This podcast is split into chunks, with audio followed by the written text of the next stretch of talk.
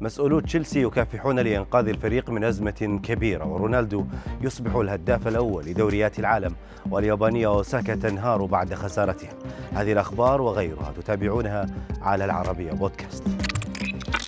يكافح مسؤولو نادي تشيلسي لتجنب عقوبة خصم تسع نقاط إذا تأخرت إدارته في دفع أجور العاملين واللاعبين الشهرية البالغة 28 مليون جنيه استرليني والمستحقة في الأول من أبريل. وذلك مع استمرار تداعيات عقوبات مالكه الروسي رومان أبراموفيتش.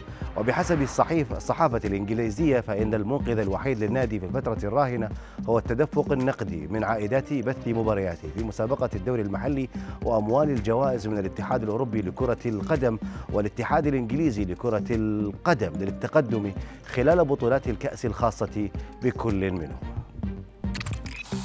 وحول تشيلسي أيضا نقلت صحيفة الميرور الإنجليزية أنه سيتعين على النادي الإنجليزي استخدام شركات الطيران منخفضة التكلفة. كما تم إخبار اللاعبين بأنه لن يتم في المستقبل القريب السفر عبر طائرات خاصة أو الإقامة في فنادق خمس نجوم.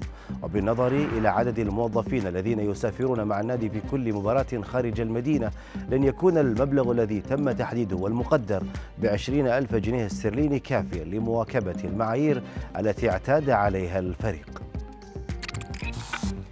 كتب كريستيانو رونالدو مهاجم مانشستر يونايتد اسمه في كتب التاريخ وبات أفضل هداف في منافسات كرة القدم للمحترفين بعدما وصل إلى 807 أهداف عقب تسجيله ثلاثية في الفوز على توتنهام هوتسبير ضمن منافسات الدوري. ويعد لقب الهداف التاريخي لكرة القدم على مر العصور مثيرا للجدل. لكن فيفا يقدر وصول المهاجم النمساوي تشيكي إلى 805 أهداف.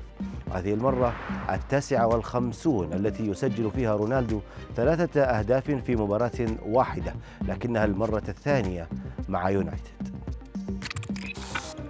انفجرت اليابانية ناومي أوساكا حاملة لقب أربع بطولات كبرى في كرة المضرب باكية بعد تعرضها للإهانة من قبل أحد المتفرجين ثم خسارتها في دورة أنديان ويلز الأمريكية أمام الروسية فيرونيكا كودي ميتيوفا.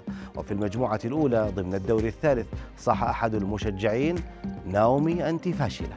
فعبرت المصنفة الثامنة والسبعين عالميا التي تعاني من ضغوط ذهنية عن استيائها أمام حكمة المباراة. وبرغم تماسكها وإكمال المواجهة قالت بعد الخسارة إن هذه الحادثة ذكرتها بتعرض الأمريكيتين فينوس وسيرينا ويليامز لمضايقات في الدورة العام 2001